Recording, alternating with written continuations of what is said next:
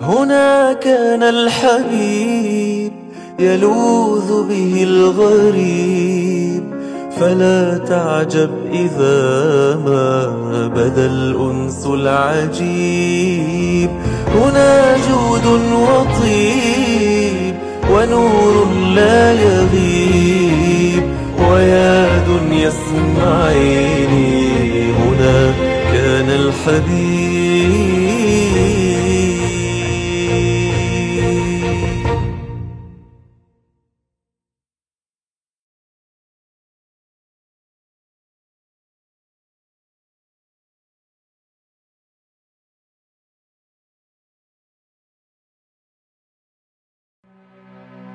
مزرعة سلمان الفارسي وكانت تسمى بمزرعة الفقير أو بالميثب أما سلمان الفارسي فهو من صحابة رسول الله صلى الله عليه وسلم وهو من أجلائهم.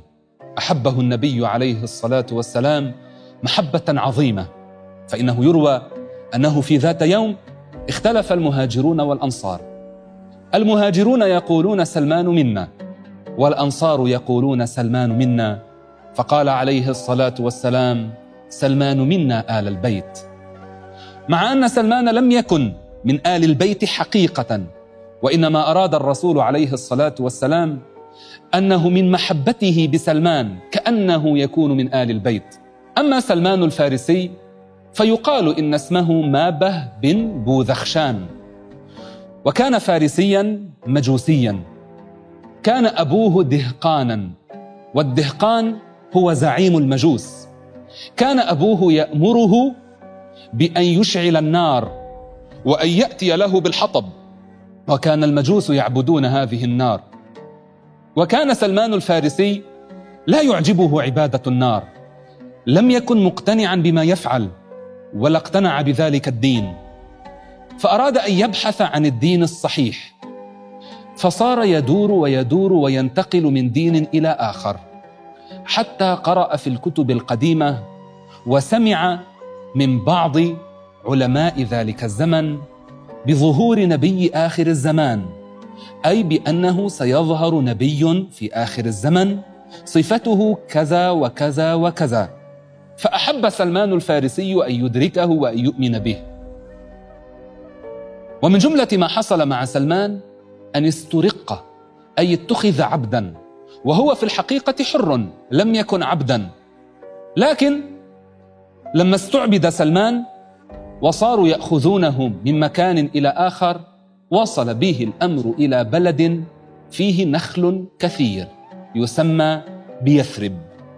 وهو المكان الذي سمي فيما بعد بالمدينة المنورة لأنها نورت وشرفت بدخول أشرف خلق الله إليها أي بدخول رسول الله صلى الله عليه وسلم.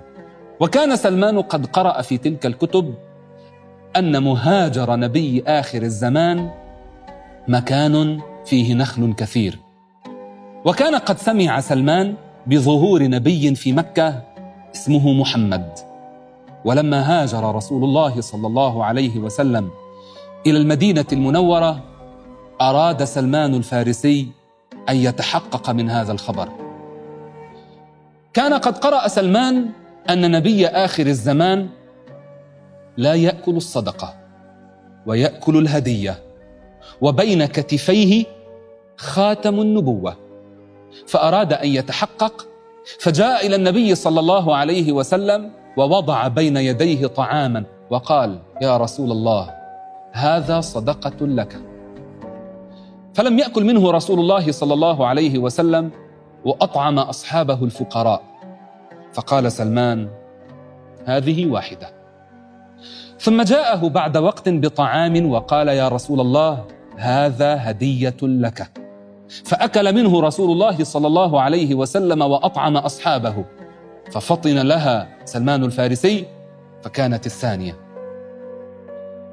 ثم أراد سلمان بعدها أن ينظر إلى خاتم النبوة وهو قطعة لحم ناشئة بين كتفي النبي عليه الصلاة والسلام جميلة جدا جدا جدا. كانت علامة نبي آخر الزمان وكانت مذكورة في الكتب القديمة فأراد سلمان أن ينظر إليها.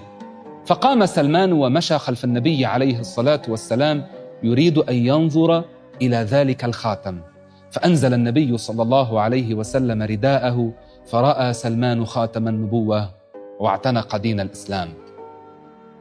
وكان سلمان الفارسي أحيانا يتخلف عن رسول الله صلى الله عليه وسلم. معناه لأنه كان عبدا رقيقا يقوم بخدمة أسياده. فكان لا يستطيع دائما أن يكون مع النبي عليه الصلاة والسلام مع أنه كان يحب ذلك. فأمره الرسول صلى الله عليه وسلم أن يكاتب أسياده. وما معنى ذلك؟ المكاتبة أو الكتابة عقد يكون بين السيد والعبد.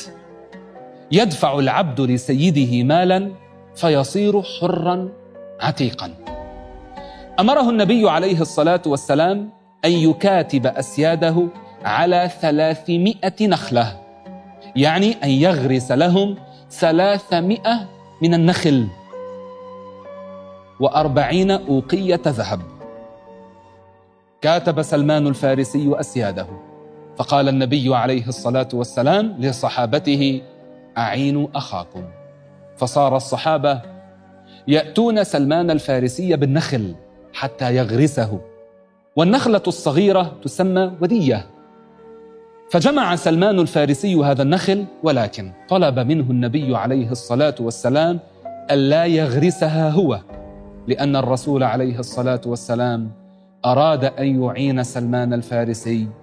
وأن يغرسها بيده. حضر أشرف خلق الله. حضر النبي المتواضع الكريم على ربه. حضر حبيب الله تبارك وتعالى الرجل المبارك. حضر الصادق المصدق. حضر المؤيد من عند الله تبارك وتعالى تلك المزرعة. جاء إلى مزرعة سلمان وصار يغرس له النخل بيده. نخلة نخلة. ومن شأن النخل أنه لا يثمر في نفس العام إلا أن هذا النخل أثمر في العام نفسه إلا نخلة واحدة. وقف رسول الله صلى الله عليه وسلم عندها وسأل سلمان الفارسي عن غارسها من الذي غرسها؟ فقال له سلمان عمر بن الخطاب يا رسول الله فنزعها رسول الله صلى الله عليه وسلم وغرسها من جديد فأثمرت في ذلك العام. ثم جيء بمال للنبي عليه الصلاة والسلام فأخذه ونادى سلمان الفارسي وأعطاه هذا المال.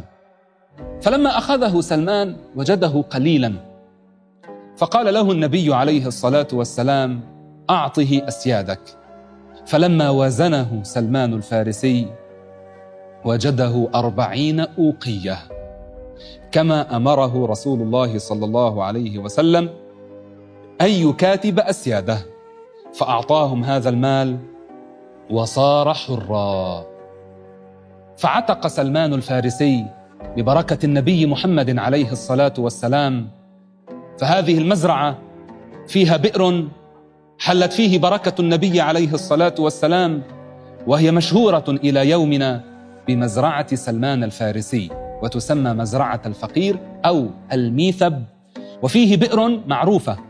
حلت بركة النبي عليه الصلاة والسلام في هذه البئر وهي قريبة من بئر غرس ومن بئر العهن.